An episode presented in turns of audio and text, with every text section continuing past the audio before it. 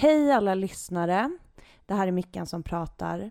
Jag vill börja med att ge en triggervarning inför dagens avsnitt. Vi kommer att prata om tröstbeteenden och där ingår en del destruktiva beteenden kring mat och kring alkohol och även cigaretter.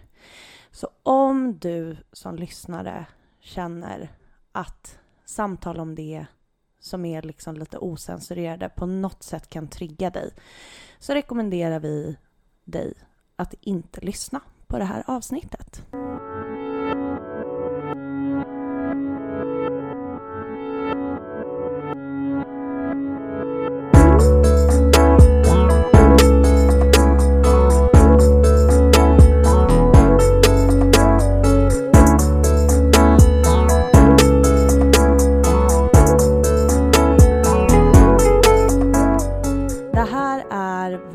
Prata med en sorgsen?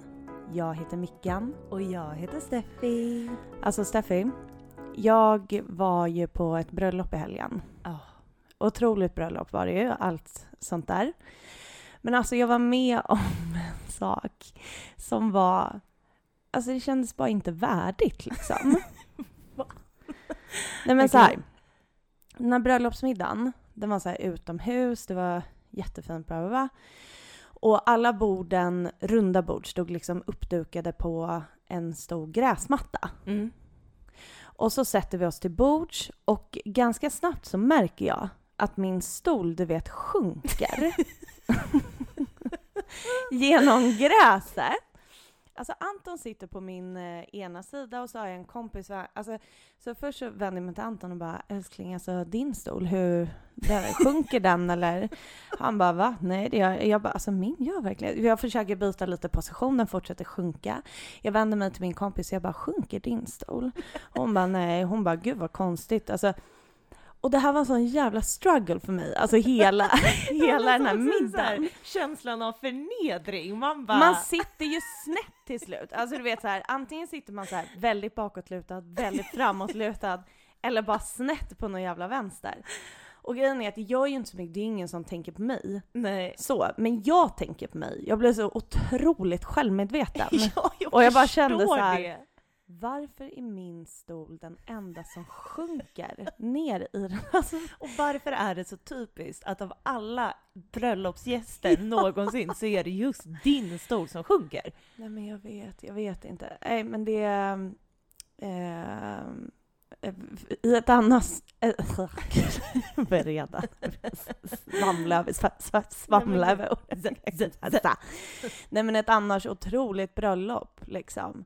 Men det där var en struggle för mig genom Ja, hela men middagen. jag förstår det. Och jag förstår, alltså det är inte kul. Jag hade inte heller tyckt att det var så jävla roligt att sitta där medan min stol sjönk. Nej. Men annars så tycker jag så här. Jag lämnar den här anekdoten snabbt. Jag vet inte ens varför jag vill berätta den, men jag vill bara... Du brukar tycka sånt är så roligt. Ja, så, jag tycker att det är ja, jättekul. Ja. så vill liva upp dig lite här Ja. på eh, vilken dag det nu är. Jag kommer inte ihåg. Onsdag. Ja. Nej men vilken chock det är att komma tillbaka till vardagen. Ja, alltså välkommen tillbaka. Ja, Jag- on, onsdag sa vi att det var. Alltså jag började jobba i måndags. Ja. Och alltså det är, det är liksom hur, jag, jag fattar inte hur Nej. min hjärna ska eh, typ palla den här hösten. Alltså det är 100% jobbet, det är podden och fram till 18 september så är det också bröllopet. Ja. Nej men det är helt sjukt. Men jag tycker faktiskt att eh, du sa en väldigt bra grej häromdagen. Eh, och det var att eh, efter att du hade varit sjukskriven så eh, är det som att din hjärna har lärt sig att typ stänga av jobbet när du är ledig. Ja. Och jag tänker att det är ett jättebra tecken. Alltså du är väl bara så jäkla avslappnad. Alltså då tar det ju Mm. bara, det tar ju bara så, det tar ju alltid tid att komma tillbaka liksom. Mm. Och speciellt om man inte har tänkt på jobbet alls. Nej men verkligen. Och sen så liksom så är det ju tyvärr så att din första vecka tillbaka är extremt mycket. Ja, nej men det har du verkligen rätt i. För det märker man ju när man kommer tillbaka, snackar med kollegor, hur har sommaren varit? Så här, att det, det är så olika, typ vissa som verkligen stänger av, vissa som går och har liksom med sig typ, och tänker mycket Mm. på det under eh, sommarens gång. Jag hör verkligen inte till en av dem. Alltså Nej. jag öppnade min dator i måndags, den skulle göra ungefär, alltså det- var så här, en uppdatering, en uppdatering, för jag har inte öppnat den på Nej. fem veckor. Så bra. Ja. Men jag är ändå, alltså jag har typ bättre energi än vad jag har haft på väldigt, väldigt länge. Ja. Alltså jag har bättre och mer energi än vad jag har haft sen typ Lussan blev sjuk. Gud vad, alltså, vad kul att höra Micke, jag blir så glad. Jag blir också jätteglad och sen så blir jag livrädd. För att Ja. jag blir så här... Alltid. Katastrof. Ja, verkligen. Nej men jag blir så här, jaha hur länge ska det här hålla? Och typ så här, ja nu har jag mycket att göra och kommer jag förstöra allt typ. Nej, men, men det känns så här i alla fall härligt typ att eh, ja, men känna att man har ork till saker och då menar jag liksom bara normala saker som att gå upp en timme innan man börjar jobba. mm. Vilket kanske låter som en vanlig grej för de flesta. Men, och ni som lyssnar på mig på jobbet, ja, ni vet ju ändå det här. Att jag brukar ju ofta gå upp liksom Ja. tio minuter innan mitt första möte på Ja. morgonen. Eh, förlåt. Nej, men. Förlåt. Nej men och nu så sen, jag bara, jag har jobbat i tre dagar. Jag bara, alltså jag går typ en timme innan jag börjat jobba varje morgon. Ja, men alltså vad fan, kan man inte få klappa sig själv på axeln för det eller? jag tycker det. ja, det är jag tycker klart det. du kan. Det är samma sak som du vet så här, när folk slutar röka och man bara åh vad duktig du är, typ så här, hur länge har det hållit? Och de bara en vecka. Och då ska folk alltid bara aha. Eh, alltså, Istället för att bara fan vad grymt. Ja, typ så här, en vecka så bra. så är det alltid bara ja okej vi får väl se hur det går typ. Ja. Man bara vad The motiverande för den här. society. Hur mår du Steffi? Nej men, eh, ja. Vet du att jag, alltså jag mår ju inte, jag har ju haft eh, kaosdagar. Eh, det var liksom som att igår så eh, skulle jag cykla hem efter att jag hade varit i Sickla och eh, åker upp för en uppförsbacke och får jättesvårt att andas. Mm.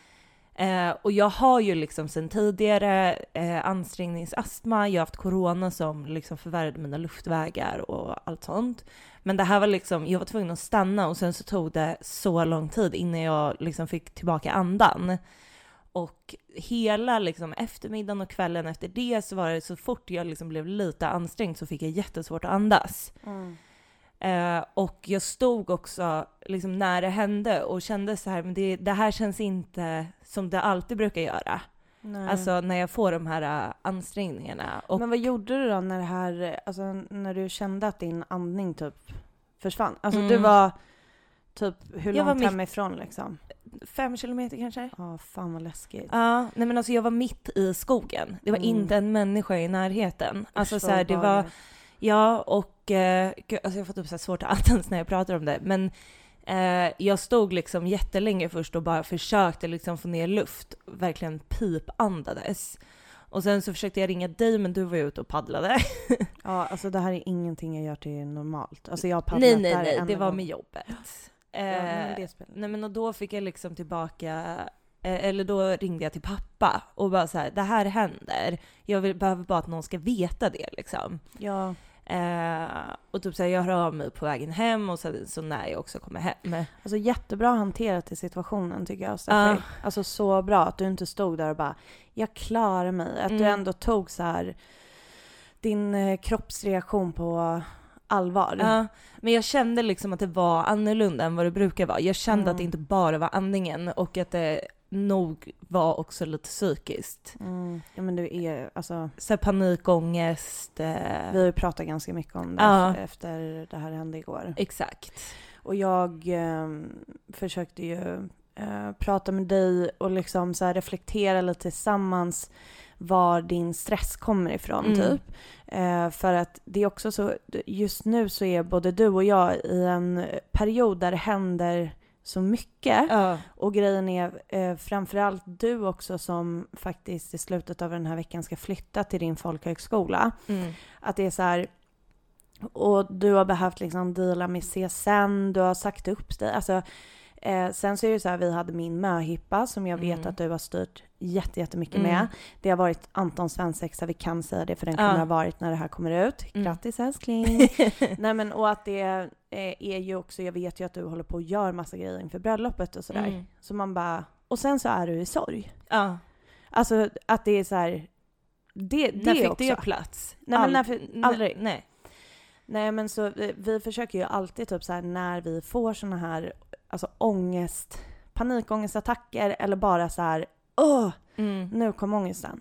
Ibland så går det ju faktiskt inte att hitta varifrån exakt det kommer. Nej. Men vi försöker ändå alltid reflektera med varandra och så här okej men vad, och bryta ner typ. För att när man får sådana där reaktioner så är det så viktigt att förstå om det kommer någonstans speciell stans ifrån. Ja, verkligen. Eh, att det kommer därifrån för att då kan man tillsammans med andra också hantera det. Typ Mm. så här. Som vi gjorde nu, du hade grejer kvar att fixa inför skolan Mm. och då så var jag så här, men det där kan jag fixa åt dig. Mm. Det gör, alltså så här, det är inget jobbigt. Jag ska ändå bla bla bla. Mm. Alltså typ Exakt. så att det, det är därför man alltid behöver prata med andra personer när man är i de där eh, psykiska stadierna Mm. av, Gud ja. av mycket ångest. ja. För man, man, eh, man klarar inte det ensam. Nej. Eller man ska, det klarar, men varför ska man bara klara saker? Nej, man kan, det det, är- målet måste väl vara att man ska få kunna må så bra som Ja, möjligt, inte bara klara av 100%. saker liksom. Ja, ja. Men det, vem orkar att livet ska vara det? Det känns ju dötråkigt. Mm. Men, eh, men jag vet inte. Det är liksom, det, det är precis som du säger. Det har varit så jäkla mycket de senaste veckorna. Alltså, Mm. och jag, mitt huvud hinner inte med. Alltså jag glömmer saker som jag aldrig glömmer vanligtvis. Eh, alltså häromdagen, jag skulle färga mina ögonbryn. På kvällen. Ja. Jag har så liksom eh, sett på färgen och bara ah, det här blir skitbra. De säger så här 5 till 10 minuter men jag brukar alltid låta det sitta en halvtimme kanske. Mm. Gå och lägga mig, vakna på morgonen, kolla mig själv i spegeln och bara vad i helvete händer? Jag har en fråga. Ja. Tog du någon bild? Nej, Nej. fan det gjorde jag inte. Nej men alltså jag blev, jag- nej för att jag blev så stressad Mickan. Jag bara mina ögonbryn kommer ju ramla av nu. Nej, de för är att Still going strong. De är still going strong. Men jag, tror, alltså jag var ju så nervös när jag Ja. skulle ta bort det här. Alltså du vet, jag bara tog typ så här lite hushållspapper och bara började gnugga och bara typ panik liksom. Men det gick ju bra sen. det gick bra. Ja. Ja, allting, all is kul. good. Men jag sov i, jag hade på ögonbrynsfärg i nio timmar. Men grejen är, alltså jag hade också fått panik. Men det kan ju inte vara så att så här hemma ögonbrynsfärg gör att man typ Nej. tappar ögonbrynen. För det känns Nej, för... det känns, det känns för starkt. Liksom. Ja, Men eh, det hade ju kunnat sätta sig mycket mer på huden. Men du, du och dina ögonbryn ser otroliga ut som vanligt. Du har inget att oroa dig för Nej, fan vad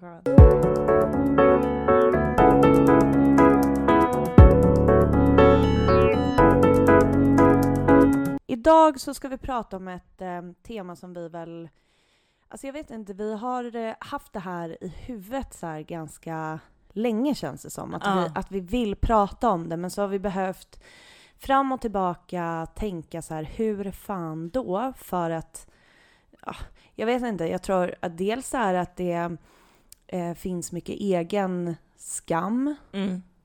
och att det är saker som man kanske inte är klar med och är, som så här, jag vet inte, det känns som att så här, när man pratar om det vi ska prata om, vilket är tröstbeteenden, Ja.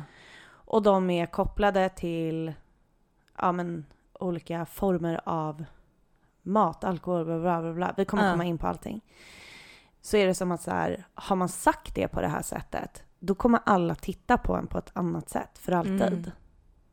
Ja. Vad tycker du? Men jag, alltså jag håller med i det du säger och jag tror framförallt eh, för mig så har skavet typ legat i att eh, precis det här att det fortfarande kan vara saker man håller på med, eller vad man ska säga. Eh, och det är inte alltid så lätt att prata om, för det betyder också att man måste granska sig själv väldigt mycket när man ska prata om det. Så det är ju absolut inte ett lätt ämne att sitta här och prata om tycker jag. Nej, men det som vi, som vi pratade om inför dagens avsnitt är ändå så här att eh, det finns vi har båda olika typer av tröstbeteenden och de är väldigt kopplade, alltså mina har inte uppstått i samband med sorgen men jag har ju sett att jag har tagit till dem Mm. i samband med sorgen. Mm. Och jag tror att det är väldigt vanligt att man har olika typer av ja, tröstbeteenden helt enkelt. Ja, absolut.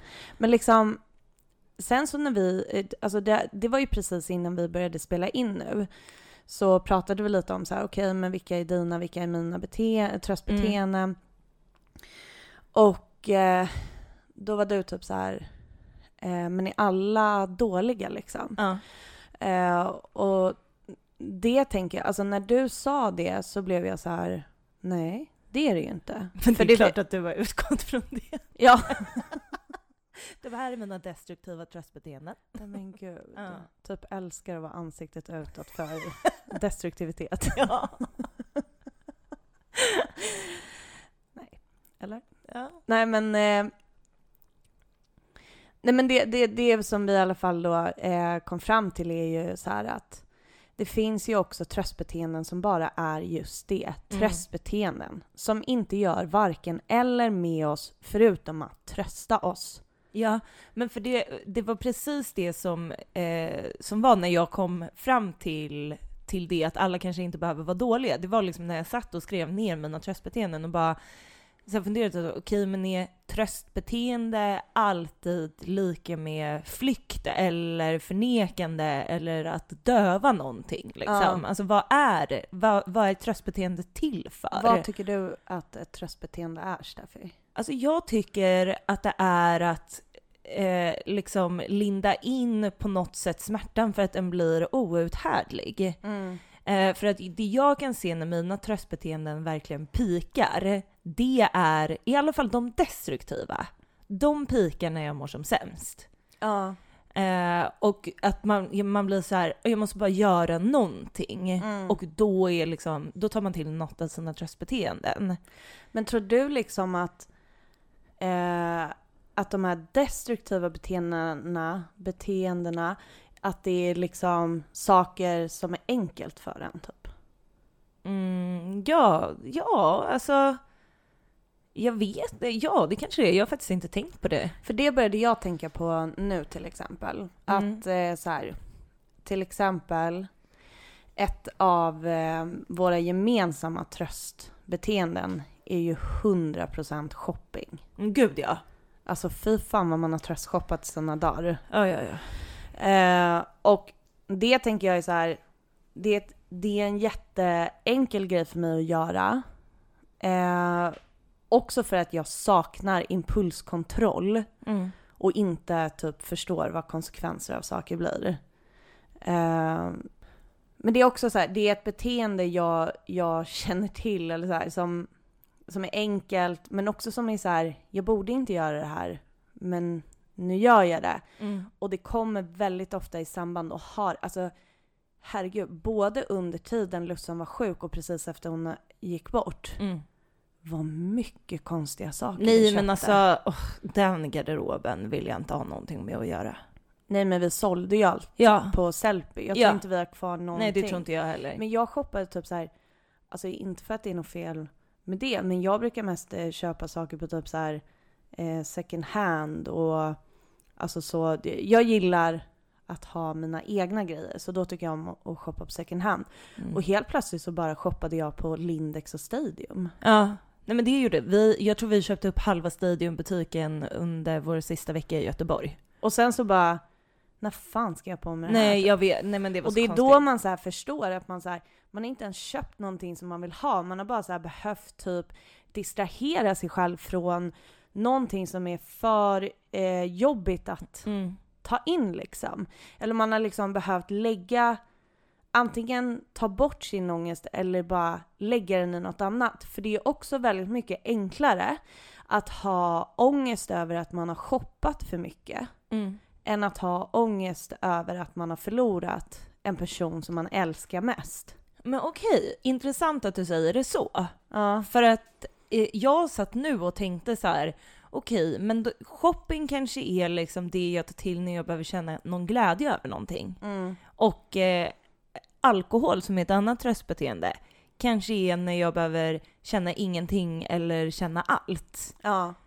Men eh, det kanske mer är så som du säger.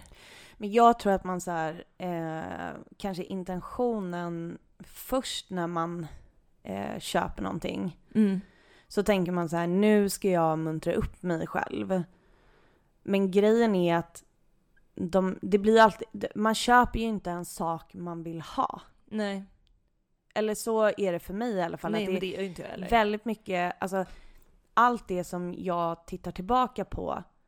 Jag kanske inte förstår det i stunden att jag gör en tröstshopping. Men Mm. jag kan titta på ett köp i efterhand och vara så här. det här köptes inte av rätt anledning. Nej. Och då så förlorar det något så här värde för mig. Alltså jag är ju också, jag bara, jag är så bra på att shoppa.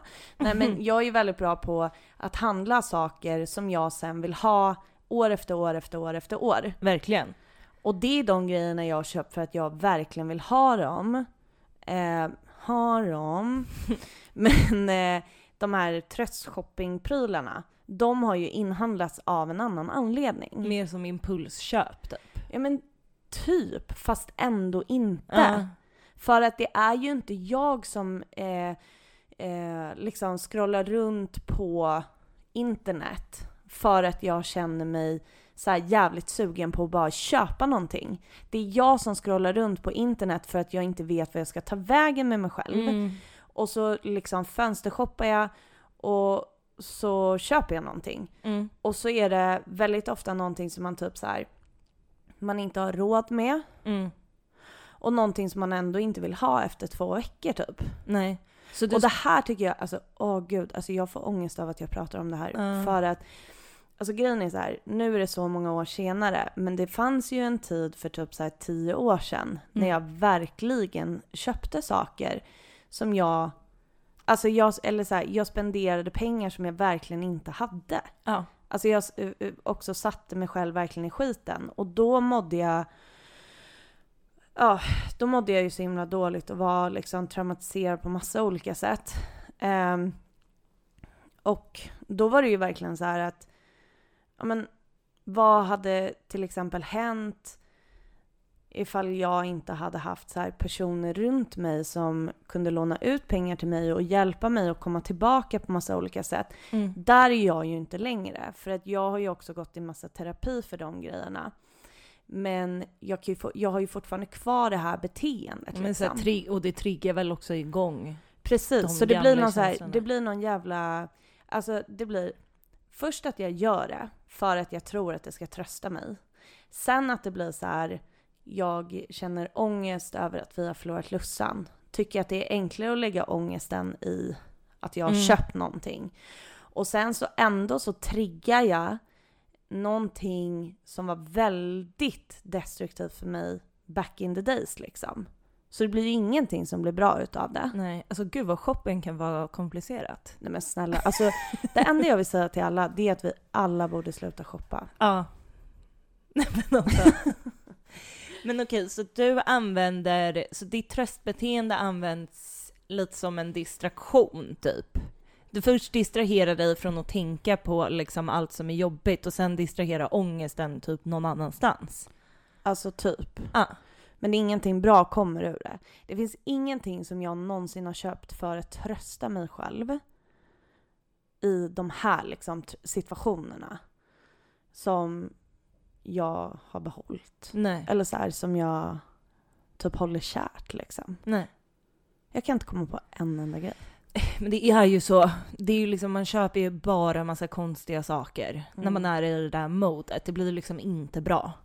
Men jag tycker också att det är så skamfyllt att ha tröstshopping Mm. som ett tröstbeteende. Varför?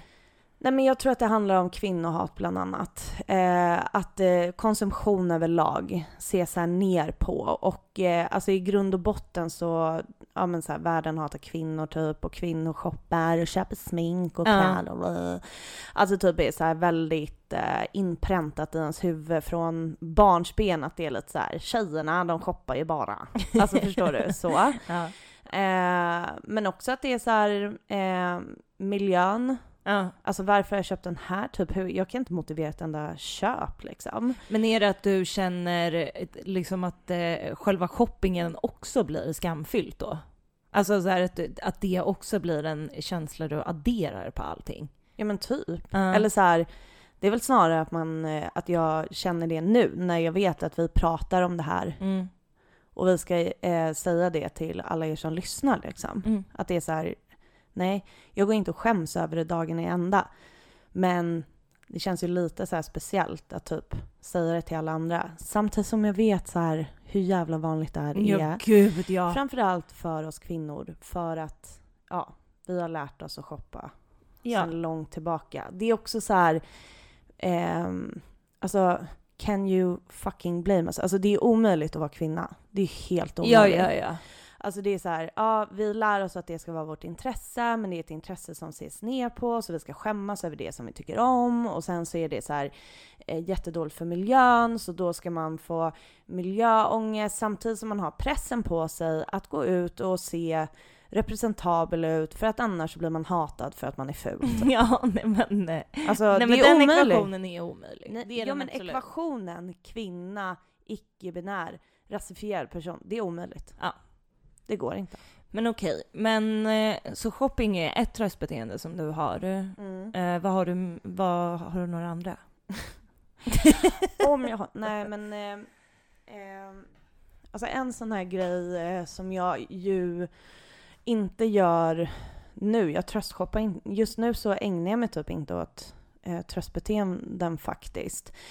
Eh, men förra hösten så kom ju jag till dig och Anton, Mm. eh, väldigt eh, ledsen och outade att jag hade börjat eh, tröstäta igen. Mm. Vilket jag... Eh, eh, också ett beteende jag hade väldigt mycket för typ tio år sedan. Eh, och eh, det, det är också verkligen så här döva ångestbeteende. Mm. Om, om jag får väldigt grov ångest så kan det bara vara väldigt skönt i stunden att äta väldigt mycket. Mm. Jag har ju inte haft ett beteende som är liksom lika med bulimi.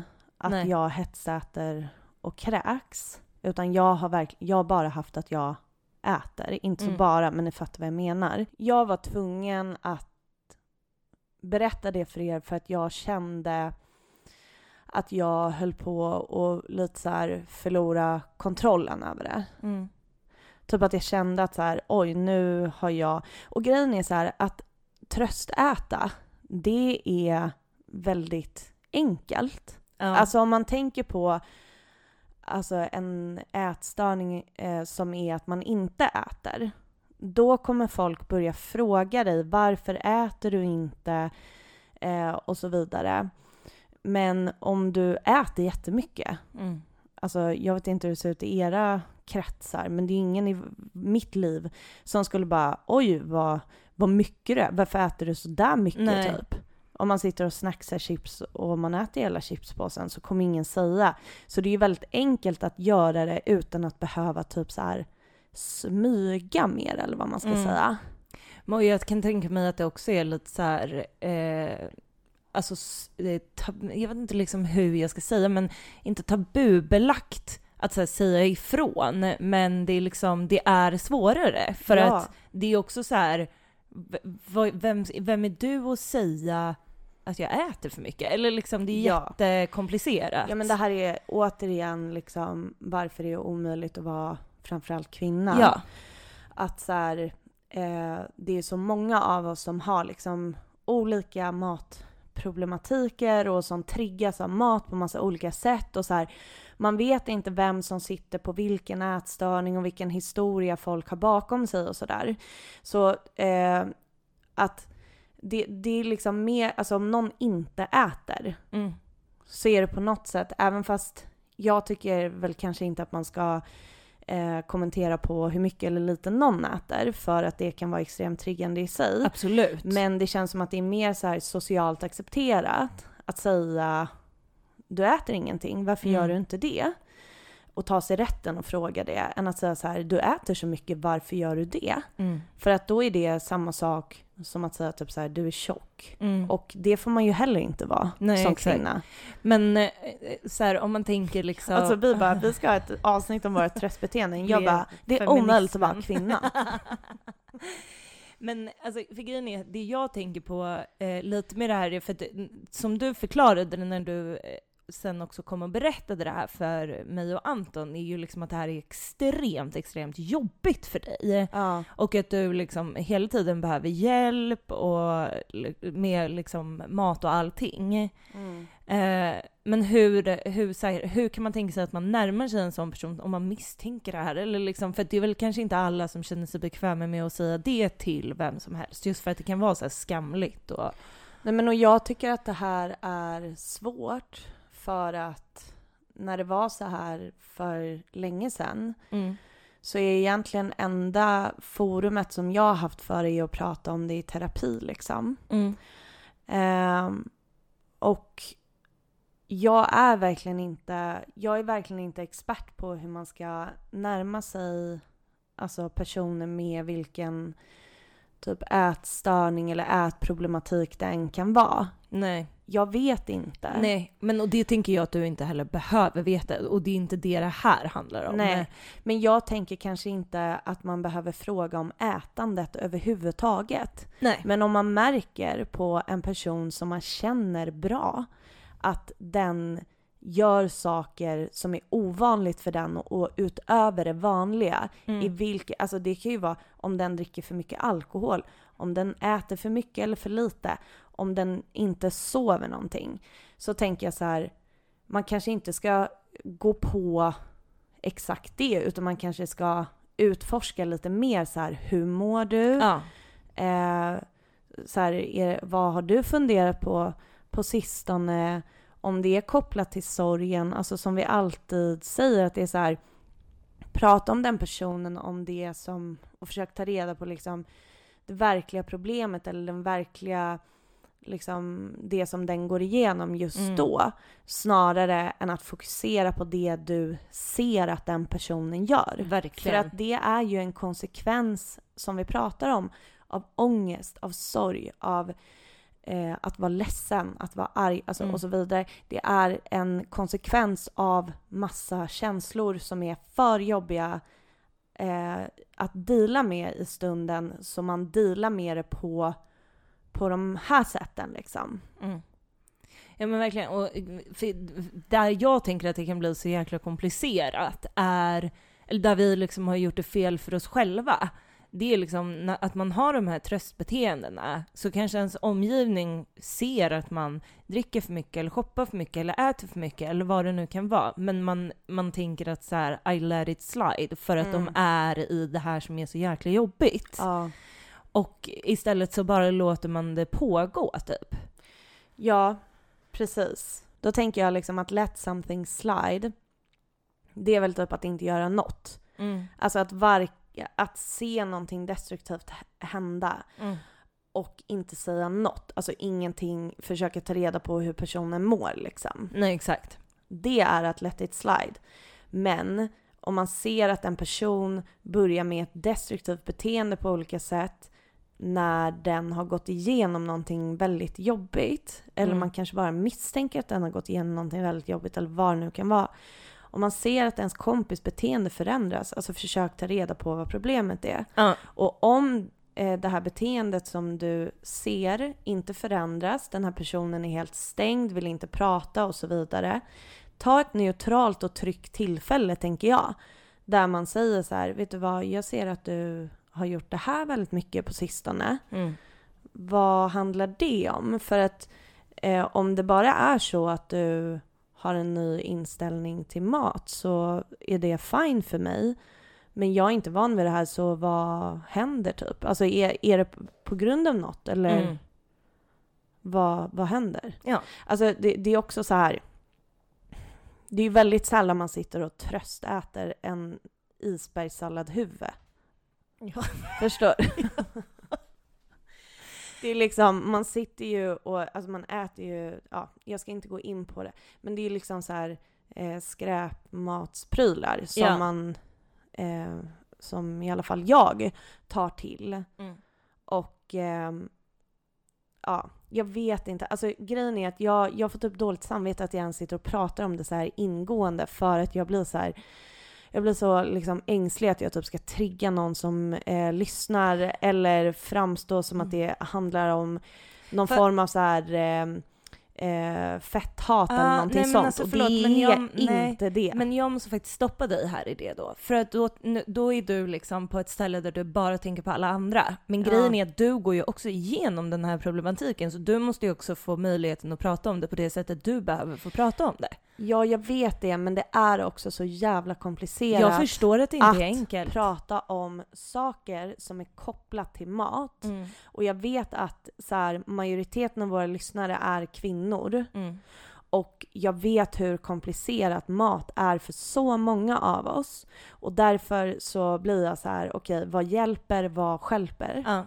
Förstår du? jag, jag fattar Mikan. Ja. Alltså jag fattar att det blir så men eh, jag vill också att du ska få liksom ett utrymme att få säga så som det är för dig. Mm, jag vet. Men jag känner typ att jag har gjort det. Ja. Men i alla fall så är det någonting som jag har använt, eh, som jag använder väldigt mycket. Ja men det var väl för ungefär ett år sedan framförallt som det var en period där jag använde det väldigt mycket för att liksom eh, döva ångest. Mm. Och jag tycker att det är väldigt svårt att förklara på vilket sätt det dövar ångest. Mm.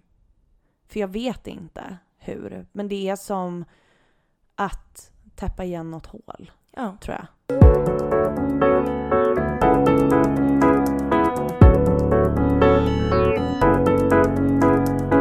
Men Steffi, Mm. vad eh, har du för tröstbeteenden? Har du märkt någonting i din sorgeprocess? Absolut. Alltså, det mesta är ju sånt som jag kan se i efterhand. Eh, och främst så, alltså så här, mina två största har absolut varit tröstshopping och alkohol. Ja. Alltså, i de första månaderna, det här har ju vi pratat tidigare om också i andra poddavsnitt, men Mm. vi drack otroligt mycket alkohol. Mm.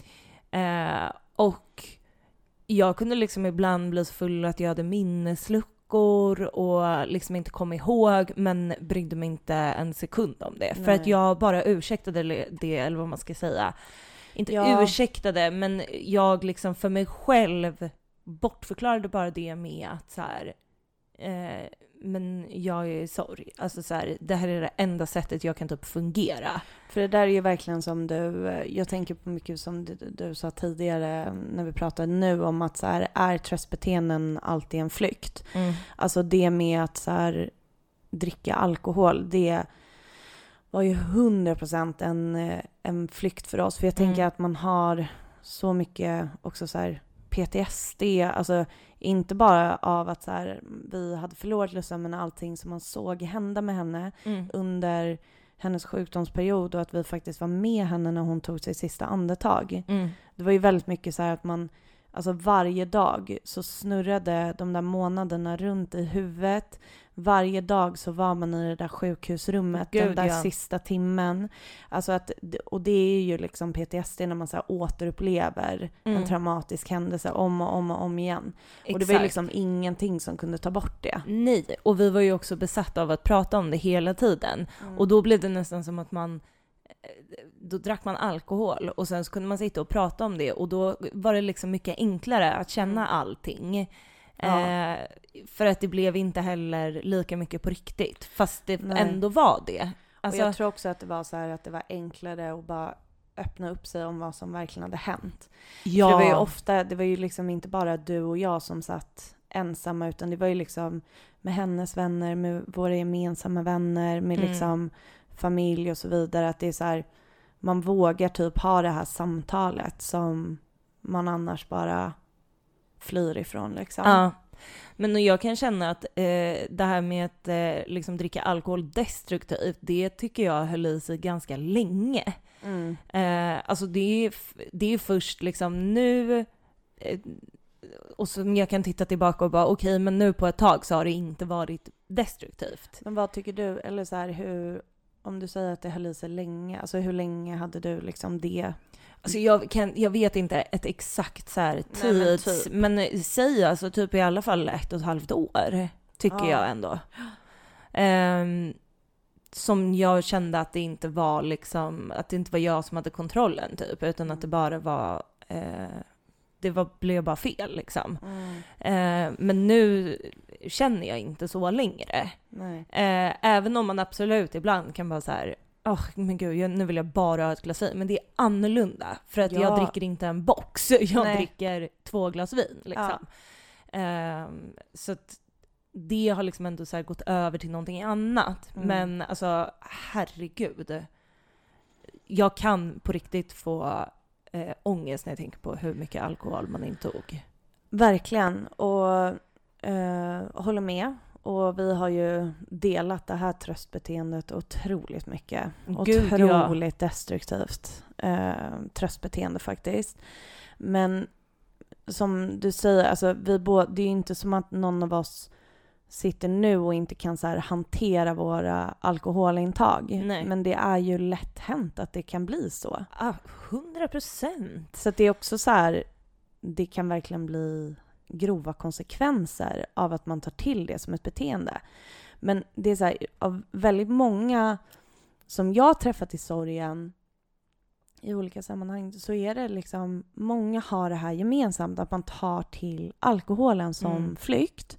Och jag tror också att det handlar om att så här, vi har typ inget annat, alltså vi vuxna människor i Sverige, hur ska vi annars här fly eller vad man ska säga? Mm. För att i början när man liksom inte har en aning om hur man ska hantera saker och känner så här, jag behöver göra någonting. Ja. Vad fan ska man göra då? Nej. Alltså jag har tänkt så många gånger, du vet så här i typ så här olika se- amerikanska serier eller filmer så har de ibland att de kan gå till eh, olika rum där de bara får slå sönder allting. Mm. Eller kasta porslin. Eller kasta porslin. Mm.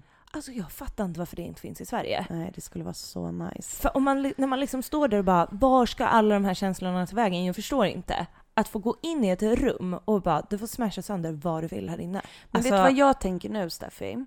När vi sitter och pratar så här och bara, vad fan ska man annars göra? För att man kanske behöver en flykt. Mm. Alltså, vi vet alla att man måste så här, vi måste vara i sorg, vi måste våga prata om den och hantera den och så vidare.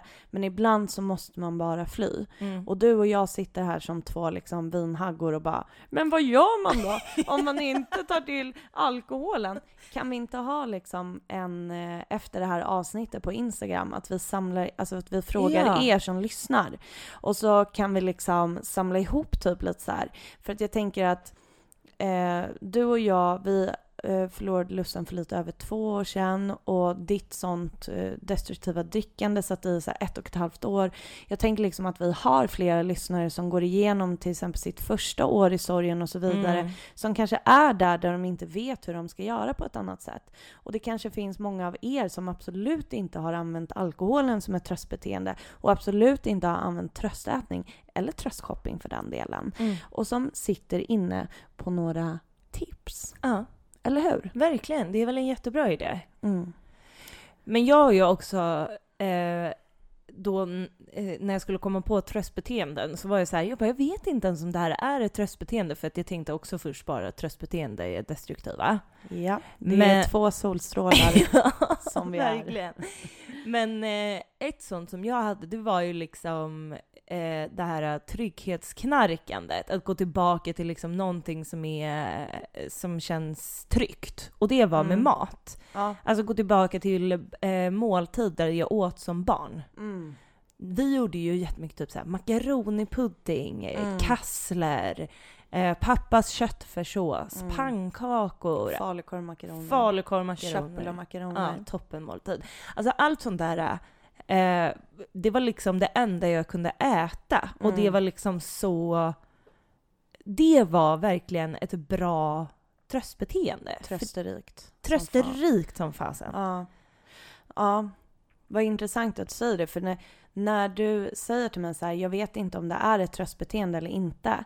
Jag tror kanske så här att man överlag, typ när man pratar om så här tröstbeteenden, att man gör det väldigt ofta så här kopplat till saker som är lite destruktiva. Mm.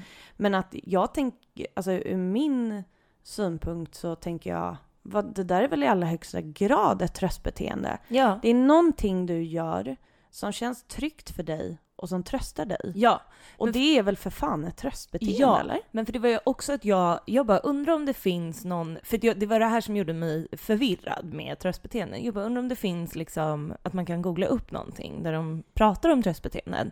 Det finns ingenting. Alltså det finns på riktigt ingenting. Eh, och, men det enda som kommer upp, det är typ barn. Alltså barn och Mm, deras stressbeteenden, typ eh, suga på tummen eller snuttefilt. Och det är ju liksom inte destruktiva. Nej. Alltså det är ju liksom, det är ju bara så här trygghets... Vad sjukt om man hade haft kvar det. Ja, Som så här tröstbeteende. Att man bara... Jag suga på tummen? Nej men gud, tänk om det är någon som har det nu Steffi. Nej, och gud. Sorry. Nej men sök hjälp. Ja. Alltså det är faktiskt inte, det är inte bra. Det är samma sak som jag sökte hjälp för mitt tröstätande. Du som suger på tummen, du behöver också hjälp. Men jag tyckte liksom att det var intressant, för då var det såhär, jag bara ja, men då skulle väl det här egentligen klassas som ett tröstbeteende också, I guess.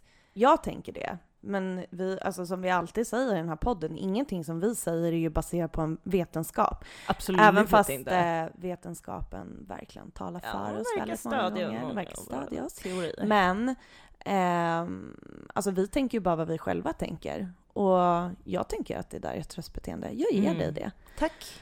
Tack. Och jag har ju också faktiskt sådana grejer som är liksom, alltså som eh, kanske är så här tröstbeteende. Vet du vad jag tänker nu? För Nej. det jag tänker säga är liksom bra tröstbeteende eller vad man ska säga. Det är typ så här när ehm, jag till exempel lyssnar på musik som är tryggt för mig. Mm. Och det är också ofta så här, antingen gå tillbaka till barndomen på, ja, kanske inte liksom fem år gammal, men lyssna på typ Spice Girls. Mm. Känner man sig trygg. Och eh, samma sak, lyssna på låtar som så här, påminner mig om Lussan. Mm. Eller kolla på bilder och filmklipp. Mm. Jag gör det för att trösta mig själv, för att känna så här, eh, det var på riktigt. Mm. Du fanns. Och så här, vi var glada och bara var en gång i tiden typ. Och jag tänker det också är ett tröstbeteende. Absolut. Men vet du vad det känns som nu när jag funderar på det? Så känns det som att det som vi nämner nu, musiken, bilderna, trygg barndomsmat. Mm. Det är ju saker som väcker saker i en. Mm. Alltså det väcker minnen. Mm. Det väcker känslor. Men de destruktiva, det är ju för att ta bort någonting typ. Mm. Gud vad intressant, för att jag satt precis i mitt huvud eh, och tänkte så här: okej, men det är så här att man använder dem vid olika tillfällen. Jag bara, destruktiva, det är ju flykt, döva. Bara, men så hade jag inte riktigt eh, slutfört min tanke. Men det Nej. var som att du liksom satte exakt ord på det som jag tänkte på. Ja men jag kom på det nu. Ja! Men det, det, så det måste ju vara typ när man, när man bara hamnar i det som är så jävla hemskt. Mm. Då är man inte mer än människa vissa gånger och framförallt inte när man är väldigt färsk i sorgen. Att då tar man till de här grejerna som man bara fly, fly, fly, jag ignorerar att det här har hänt, jag vill Mm. inte vara med om det här liksom. Och när man är på ett ställe där man så här, man är ledsen men man vill ändå vara i att så här minnas och den där grejen, då Mm. tar man till de här lite bättre grejerna Ja. kanske. Vad tror vi om det? Ja, alltså det jag- kom någon vart även ja, idag. ja. Ja, ja. Det är otroligt Steffi. Alltså att vi ens fick ihop ett poddavsnitt. Nej men jag trodde inte jag skulle säga ett ord idag Mikael. Nej, men och vet du vad Steffi? Det är okej. Och till er som lyssnar, det kanske kommer vara så att jag babblar på extra mycket. Det är inte för att jag vill tysta Steffi. Det är helt enkelt för att jag försöker hjälpa henne Mm. Att inte få panikångestattack när hon Ja. är ute och cyklar. Tack. Så är det. Vi backar varandra när det behövs. Och det borde ni också göra. För vi backar er, ni backar oss. Alla backar alla. Det är omöjligt att vara kvinna. Och det här var dagens avsnitt.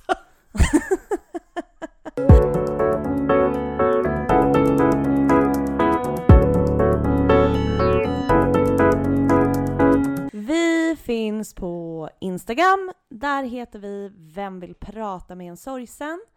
Och vi har också en Gmail som heter Vem vill prata med en sorgsen? at gmail.com. Skål för Lussan! Skål för Lussan!